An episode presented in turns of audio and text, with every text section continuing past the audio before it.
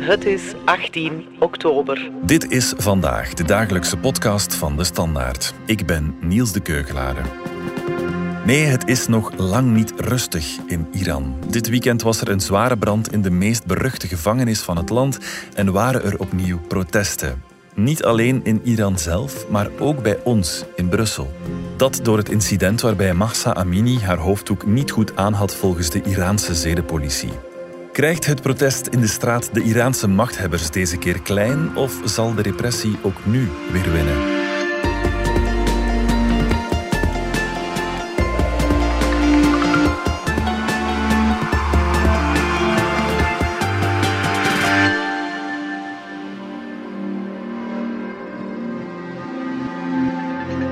Jorne Kok, onze Midden-Oosten-kenner, een incident dat leidt tot protesten van deze grootorde. Komt dat als een verrassing? Voor Iraniërs komt dit niet als een verrassing, die dood van een 22-jarige uh, eh, vrouw in handen van de zedenpolitie. Uh, zij worden voortdurend lastiggevallen door die zedenpolitie. Er zijn voortdurend arrestaties. In dit geval is dus uh, die jonge vrouw wel gestorven. Wat het regime daar zelf over zegt, uh, en dat komt niet als een verrassing, is dat de vrouw op haar achtste had ze een hersentumor en daar zouden ze nog altijd de gevolgen van ondervinden. Dus het was compleet per ongeluk dat die jonge vrouw net wanneer ze door de zedenpolitie was opgepakt, dat ze zou zijn overleden. Het is een typische regimeuitleg en ja. ja de Iraniërs zijn gewoon aan dat soort van verklaringen die die kant nog wel raken. Natuurlijk is er een verband tussen haar arrestatie en haar overlijden. Zoveel is voor de Iraniërs wel duidelijk. Er zijn voordien ook al uh, vrouwen gestorven in Iran na mishandeling door de politie. Maar toch was dit nu ja, die druppel die de emmer deed overlopen. De Iraanse vooral jonge vrouwen zijn die onderdrukking beu en uh, zijn op straat gekomen. En we zijn nu meer dan een maand later. Mhm. En ze komen nog voortdurend op straat, ook al is dat levensgevaarlijk. Dus er is duidelijk, ja, die emmer is duidelijk overgelopen. Mhm. Nu, die zedenpolitie in Iran, die had dus wel al een reputatie. Uh, die heeft een reputatie en dat is natuurlijk ook nadrukkelijk de bedoeling van het Iraanse islamitische regime, dat hij een reputatie heeft. Als je eens surft naar de website van de opperste leider van Iran, die is zowel staatshoofd als religieuze leider als politieke leider, Ali Khamenei, dan vind je daar een ellenlange bladzijden over het belang van die hoofddoek voor de Iraanse religieuze maatschappij. Iran heeft een islamitisch regime sinds 1979 en dat patriarchale, dat ja, zien van de vrouw als tweederangsburger, dat zit daar diep in bij vooral die oudere mannen die aan de macht zijn in Iran. Ja. En als jonge vrouwen op slechte ideeën komen, namelijk die hoofddoek wat verder achterop uh, duwen, zoals in Iran voortdurend gebeurt, laat staan helemaal afzetten, ja, dan moet daar tegen opgetreden worden. Dat zit in het DNA van zo'n islamitisch regime. Ja, en treedt hij altijd zo hard op, die zedenpolitie? Als je naar Iran gaat, dan zie je dat dat een beetje in, uh, in golven komt en gaat. En Iraanse vrouwen voelen dat heel goed, weten dat heel goed. Duwen een beetje. Je ziet dan plots uh, de nagellak bijvoorbeeld meer fluo worden. Die hoofddoek die zakt wat verder achteruit. En dan zie je zo'n moment waarop duidelijk die zedenpolitie ja, een signaal krijgt van nu gaan we weer harder optreden en dan moet de, nagellak weer verdwijnen of moet die hoofddoek weer zeer strikt worden opgezet. Bij ons is dat, lijkt dat een beetje een ideologisch debat. Hè. Dat is van hoofddoek op of hoofddoek af. Hm. Bij hen uh, zitten daar duizend schakeringen in. Dat is iets van het dagelijkse leven. Dat is van een jonge vrouw gaat naar haar werk en moet nadenken hoe dat ze zich kleedt of dat ze die nagellak opdoet. Mhm. Ja, en omwille van deze regels werd Mahsa Amidi dus opgepakt en is ze dan overleden in het ziekenhuis waar ze naartoe is gebracht. Zijn er eigenlijk al politieke reacties gekomen op haar dood? Wel, Ten eerste in Iran in het algemeen ja. Dus je hebt de betogingen, de jonge vrouwen die op straat komen zonder hoofddoek. De culturele wereld, eh, daar hoor je nadrukkelijk stemmen. De zangers, de filmregisseurs. Binnen het regime zelf relatief weinig, al zijn er ook wel enkele die toch al wel zitten te zeggen van ja, moet het nu allemaal zo strikt? Waarschijnlijk omdat ze de bui zien hangen. Het is een heel, eigenlijk een heel complex onderwerp voor zo'n regime om ten eerste op toe te geven, want dan is het net alsof ze geen islamitisch regime meer zijn, zoals zij het zien. Maar ook ze maken het zichzelf moeilijk. Vanaf nu is elke vrouw die uh, in de hoofdstad Teheran, en daar wonen meer dan, dan 10 miljoen mensen uiteindelijk, elke vrouw die haar hoofddoek even afdoet en zichzelf filmt, ja, dat is een eenvrouwsprotestactie. Probeer dat maar eens te onderdrukken. Dus ze maken het zichzelf ook niet gemakkelijk daarmee. Maar dat is natuurlijk ja, hun eigen schuld. Ja, die dood van Mahsa Amini heeft wel heel veel in beweging gezet uiteindelijk. Wel, eh, waarschijnlijk de grootste protesten, voor zover we weten, sinds 2009 in Iran. En dat is intussen toch al wel even geleden. Dus je ziet in tientallen steden tegelijk, soms wordt meer dan honderd gezegd, komen er mensen op straat. In de eerste plaats jonge vrouwen, maar duidelijk ook gesteund door jonge mannen en andere mannen en vrouwen. Ook door grootmoeders zie je soms. Ja. Ons probleem is een beetje dat door die strikte controle van het regime op alles wat naar buiten komt, dat we eigenlijk maar flarden zien. Dus we weten eigenlijk niet goed hoe diep het zit, hoeveel mensen elke dag waar op straat komen. Dus dat is elke dag zo'n beetje afwachten van waar het tientallen steden. Was het ook de hoofdstad Teheran of zit het vooral in de provincie? Soms is het moeilijk om zo de vinger te leggen van, op van hoe diep zit het. Feit is dat we meer dan een maand verder zijn en dat er duidelijk nog altijd elke dag grote protestacties plaatsvinden. Mhm.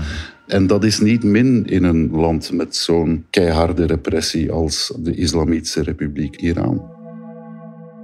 Maar het is zeker niet meer alleen protest van vrouwen. Hè?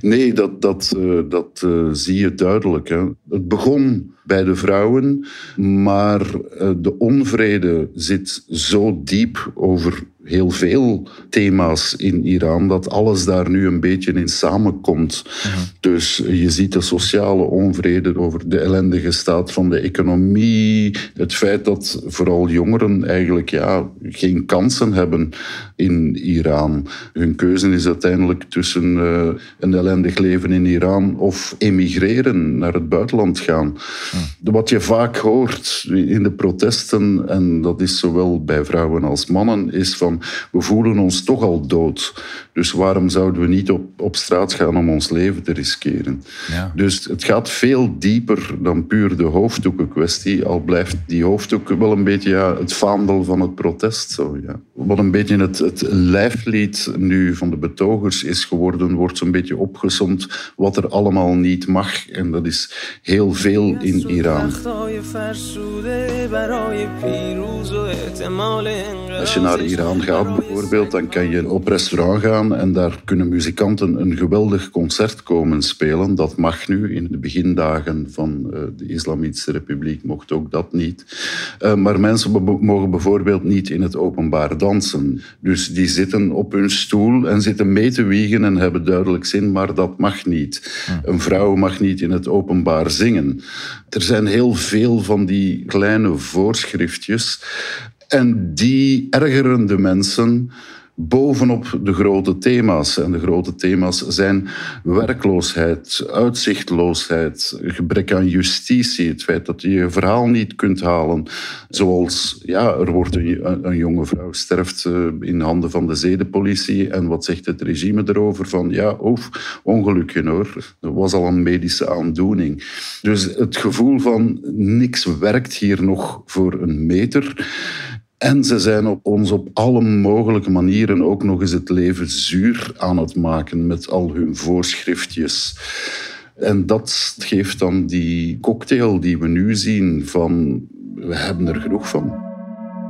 Ja, en dit weekend kwam er dan ook nog die brand bij in een van de meest notoire gevangenissen in Iran. Ja, bovenop alle protesten was er dus plots, zagen we zaterdagavond, videobeelden gemaakt door omwonenden. Uh, wat er daar precies is gebeurd, dat weten we niet. Het regime zegt dat oproerkraaiers, dat, dat gewone criminelen, roofovervallers, dat die uh, de boel in brand hebben gestoken. Voor de Iraniërs, je zag direct dat veel, veel mensen, je zag files richting gevangenis, want heel veel mensen hebben daar familie zitten. De meest bekende politieke gevangenen van Iran. De mensen waarover je in België hoort. Uh, Ahmed Reza Jalali, de VUB-prof, en de Belgische NGO-medewerker Olivier van de Kastelen, die zitten daar ook. Uh, de muzikanten, de filmregisseurs die in de voorbije maanden geregeld worden opgepakt als ze hun protest uiten, uh, ja, die passeren allemaal langs de gevangenis gevangenis van Evin. En dat ligt daar dus ja, in de buitenwijken van, van de hoofdstad Teheran. Dus Evin, dat is eigenlijk ja, een van de grote symbolen van de onderdrukking door het regime. En daar was er brand. We hoorden schoten in die beelden en een paar ontploffingen. Uh, en we weten niet wat er uh, precies gebeurd is, want ja, het is de strengst eh, beveiligde gevangenis van Iran. Dus hoe gaan we te weten komen wat er precies gebeurd is? Het regime zegt van ja, er zijn vier doden gevallen, gewone criminelen, zo gezegd dan, en 61 gewonden. Uh, anderen, gisteravond was plots sprake van 40 doden. We weten het niet, behalve dat zeer veel Iraniërs mensen kennen of kenden die dat daar gevangen hebben gezeten. En zich daar dus uh, zeer ongerust over maken. Goed, Jorn, als we inzoomen op de politieke situatie in Iran. Ik herinner me Khomeini, maar ondertussen zijn er ook leiders aan de macht geweest die iets, ja, zeg maar, gematigder waren. We hebben zelfs akkoorden kunnen maken met Obama, teruggeschroefd door Trump weliswaar. Hoe moeten we dat zien? Is het sinds Khomeini wat minder streng islamitisch geworden of zie je meer een yo-yo-effect? Het is een, beetje van de twee. Het is een heel specifiek systeem, die Iraanse politiek. Uh, toch het regime zoals het is ingevoerd door Khomeini in 1979. De belangrijkste figuur is die opperste leider. Daar zijn er nog maar twee van geweest. Dus eerst Khomeini, de president-fondateur van het uh, islamitische regime. En zijn opvolger Ali Khamenei, die nog altijd aan de macht is. Die nu 83 jaar oud is. Hm. Daaronder, dat is dan het vreemde aan dat Iraanse systeem, uh, komt de president. Uh, in de meeste landen is de president de belangrijkste politieke figuur, zoals in de Verenigde Staten, of een ceremoniële figuur. In Iran is die eigenlijk meer zo'n beetje de eerste minister. Die mag de dagelijkse leiding doen, die mag uh, de economie proberen recht te trekken voor zo goed als mogelijk, die mag een beetje aan buitenlandse politiek doen en vooral die mag verkozen worden. Ja. Anders dan die opperste leider, die ja, rechtstreeks wordt aangesteld door, laten we het maar noemen, een raad van wijzen, allemaal religieuzen uiteraard. Dus die president die onder de opperste leider staat, dat is zo'n beetje de veiligheidsklep. En daar hebben we dus al een paar meer progressieve figuren, liberale figuren gezien. Uh, eind jaren 90, Rouhani in de vorige uh, presidentiële periode, die dus die nucleaire deal heeft gemaakt met Obama in 2015. Wat er nu eigenlijk gebeurd is, is dat die yo-yo is stilgelegd door de opperste leider, Ali Khamenei. Want de nieuwe president die is verkozen, dat is ook een zeer, zeer conservatieve figuur. Ibrahim Raisi, een voormalige rechter die executies op zijn geweten heeft. Als je hem ziet, hij is wel twintig jaar jonger dan Ali Khamenei, maar hij heeft net zoals Ali Khamenei een tulband op en heeft een grijze baard. En je hebt nu dus twee grijze baarden aan de macht in Iran. Dus dat ventiel is eigenlijk gestopt door Khamenei. En wat daar waarschijnlijk in meespeelt, is het feit van Khamenei is 83, de opperste leider. Uh, zijn gezondheid is niet goed. Dus op dit moment heeft het Iraanse regime eigenlijk de grendel gezet op alles wat enigszins liberaal is. Uit veiligheidsoverwegingen. De Islamitische Republiek, het Islamitische regime moet overleven, dus mag niet uh, intern bedreigd worden.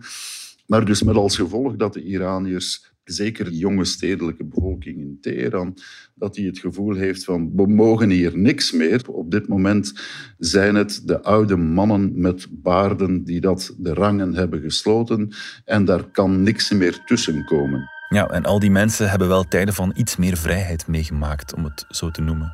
Ja, en uh, ze hebben dus ook voor die. Ze stemmen in die presidentsverkiezingen dus ook doorgaans voor die grotere vrijheden. Mhm. En dat mag dan tot op zekere hoogte van die opperste leider wordt dat dan toegestaan. Maar keer op keer, vandaar dus ja, dat, dat yo-yo-effect. Als ze vinden dat het te ver gaat, dan wordt weer de knipper opgezet.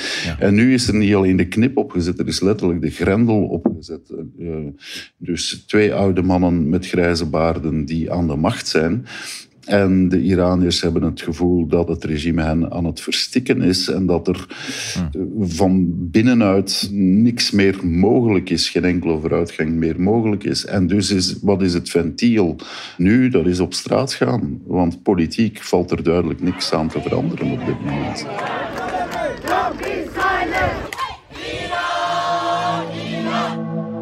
Er is natuurlijk bij ons en in de hele westerse wereld veel steun voor die protestbeweging. Maar haalt dat iets uit? Betekent dat iets voor hen? Wel, voor de, de Iraniërs is het natuurlijk belangrijk dat ze die solidariteit voelen vanuit het buitenland. Uh Daar blijft het natuurlijk niet bij. Uh, we hebben nog altijd een heleboel sancties lopen tegen het Iraanse regime. Dat het heeft dan te maken met het hele nucleaire dossier, dat intussen ook nog loopt. Mhm. Dus het is niet zo dat de buitenwereld niets doet en werkloos toekijkt. De vraag is een beetje van, ja, wat kunnen we meer doen? De Europese Unie gaat nu nog wat meer sancties op nog wat meer regimefiguren opleggen. Maar verder is het zo'n beetje, ja, heb je wel het gevoel van je moet de Iraniërs hier hun werk laten doen met onze solidariteit, maar het is niet aan ons om die strijd voor hen te voeren. En dat is een beetje een moeilijke. Hè? Ik zie ook niet direct een, een buitenland, ook niet in de regio, dat zich daar nu actief mee wil gaan moeien, wat misschien een voordeel is. In andere revoluties of pogingen tot revoluties was er vaak de kritiek van ja, het wordt gestuurd vanuit of ander buitenland. De Verenigde Staten, Saudi-Arabië of net Iran. Hè. Hier, het Iraanse regime heeft zich heel actief gemoeid met uh, pogingen tot revoltes in Syrië, in Libanon, in Jemen, in Irak. Dus e-, één voordeel van een, revolutie is, in Iran is dat het Iraanse regime niet vanuit het buitenland zich kan, zal kan komen moeien. Uh, het speelt zich in hun eigen hoofdstad af. Maar goed, sinds de revolutie van Khomeini is er nog wel protest geweest in Iran. In 2019 tegen de hoge brandstofprijzen. Ook nu weer bijzonder hevig protest. Amnesty International spreekt van 140 doden. Dat getal loopt wellicht nog op. Gaat het ook deze keer weer stilvallen door harde repressie, denk je? Of ja, heeft de straat nu wel een kans? Tot nu toe is het zo geweest, dus er zijn protestgolven geweest. Eind jaren 90, dan in 2009 die uh, befaamde groene beweging, die eigenlijk vooral uit de universiteiten toch kwam. Mhm. In 2019 het protest tegen de brandstofprijzen, dat zat eigenlijk vooral in de, in de, in de provincies. Wat nu het verschil zou kunnen maken, is dat het gaat niet om één thema. Het gaat niet alleen over brandstofprijzen. Het gaat ook over de economie. Het gaat ook over die vrouwenrechten. Het is meer een, een overkoepelende beweging. Al is er eigenlijk geen leiderschap in dat beweging en is er geen concreet politiek manifest. Maar je voelt, waar het nu om gaat, is de algemene onvrede. Dus het zit misschien dieper op dit moment. Uh, kan het ergens naartoe gaan? Ja, dat moeten we afwachten. Uh, we hebben eigenlijk in de voorbije tien jaar vaak gezien in het Midden-Oosten dat, dat pogingen tot revoluties, uh, het zij in bloed werden gesmoord. Syrië dat bepaalde machthebbers er een draai aangaven aan die revoluties. Mhm. Dat hebben we in Egypte gezien bijvoorbeeld. De ene dictator is uiteindelijk een korte tussenpauze vervangen door een volgende militaire dictator.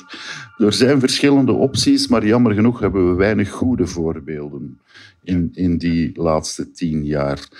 In Iran zit je dan bovendien met het probleem van het is niet gewoon een dictatuur, het is een religieuze dictatuur. Als die opperste leider van de macht wordt verdreven, dan stort hij eigenlijk dat islamitische regime in elkaar. Hm.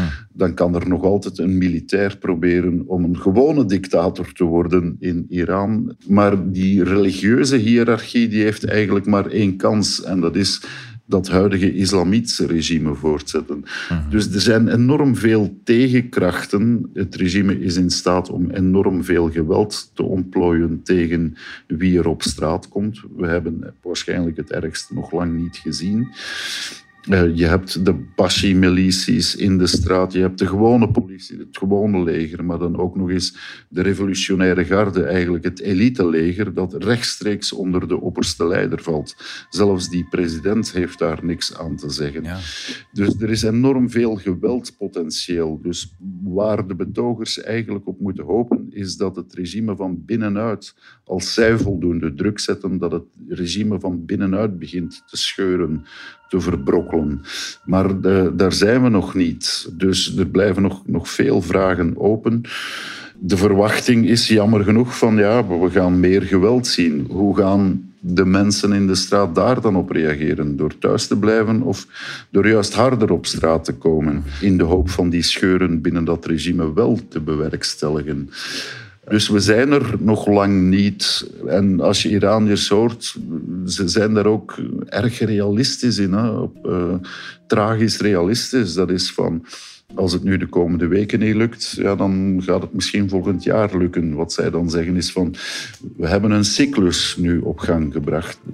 Ja, ze leven op hoop. Hè? Hoop geeft moed, hoop is gratis, maar hoop kan ook de kop worden ingedrukt. Zoals we in de, de voorbije decennia al vaak hebben gezien. Oké, goed. Bjorn de Kok, dankjewel. Graag gedaan. Dit was vandaag de dagelijkse podcast van de Standaard. Bedankt voor het luisteren. Volg ons op Spotify, Apple Podcast of eender welk ander podcastplatform. In onze gratis app DS Podcast kan je niet alleen ons werk beluisteren, maar ook de beste podcasttips voor op vakantie of ergens onderweg, met zorg geselecteerd door onze redacteur Max de Moor. Alle credits van de podcast die je net hoorde vind je op standaard.be-podcast. Reageren kan via podcast.standaard.be. Morgen zijn we opnieuw.